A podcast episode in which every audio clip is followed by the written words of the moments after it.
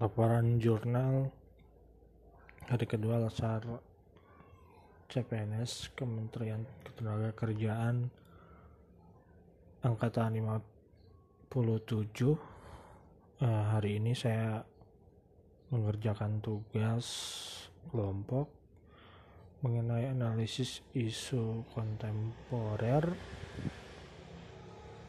Untuk kelompok saya sendiri ada tiga isu yang awalnya diangkat yaitu isu tentang terorisme, narkoba dan juga korupsi. Dari ketiga eh, isu tersebut setelah dianalisa uh, kami menyimpulkan bahwa uh, isu yang akan kami bahas adalah isu mengenai uh, terorisme atau uh, radikalisme. Bukan karena kedua uh, apa isu yang lain seperti narkoba dan korupsi eh, tidak penting bukan, tetapi kami melihat dari cakupan atau segi bahaya sebenarnya terorisme lebih bahaya dari radikalisme ini karena mereka bermain di area yang sifatnya ideologis atau ide sehingga tidak bisa dilihat secara kasat mata. Karena mereka mempengaruhi orang untuk mengikuti tujuan mereka untuk membuat negara baru di Indonesia. Yang mana menurut kami itu sangat bertentangan dengan sikap bela negara yang ada. Untuk narkoba sendiri sebenarnya uh, isunya cukup uh, apa namanya cukup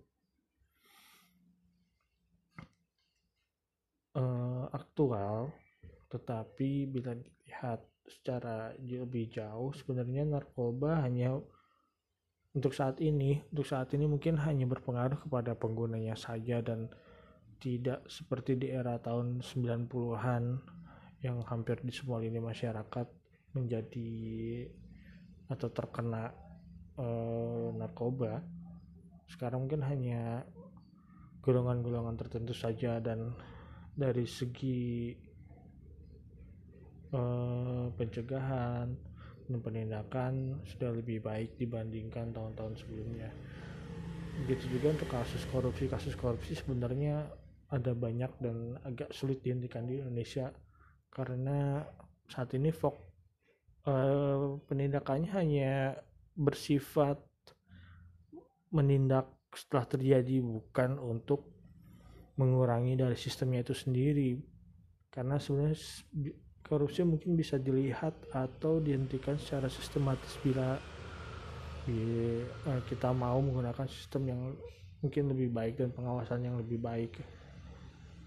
Tapi kembali lagi uh, dua dua isu tersebut secara fisik bisa kita lihat atau mungkin bisa kita lihat dari laporan keuangan misalkan untuk kasus korupsi atau dari HKPN pejabat tentang kekayaan yang mereka miliki. Begitu juga untuk uh, pengguna narkotika atau, atau pengedar bisa kita lihat juga. Tetapi bila kita berbicara tentang ideologi uh, radikalisme itu sama sekali kita tidak bisa lihat. Begitu juga dari sejarahnya yang harus kita sadari bahwa ini bukan hal yang baru karena di era-era awal kemerdekaan sudah ada pemberontakan DITI yang ingin mendirikan negara baru di luar di, di, di Indonesia ini dengan menggunakan ideologi baru selain Pancasila.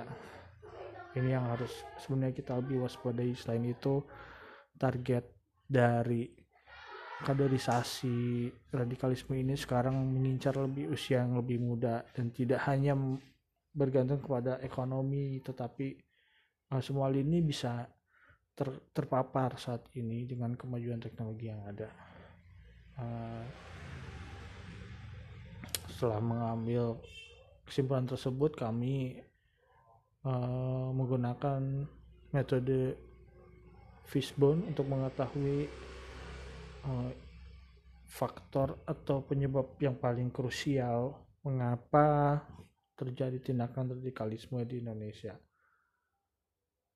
Uh, kami akan menyelesaikannya hari ini. Mungkin insight yang saya dapat untuk hari ini uh, lebih banyak mengenai penggunaan fishbone, uh, analis, analisa menggunakan fishbone, uh, dan mungkin akan saya gunakan juga untuk melaksanakan tugas-tugas lainnya yang diberikan. Uh, sekian. Uh, terima kasih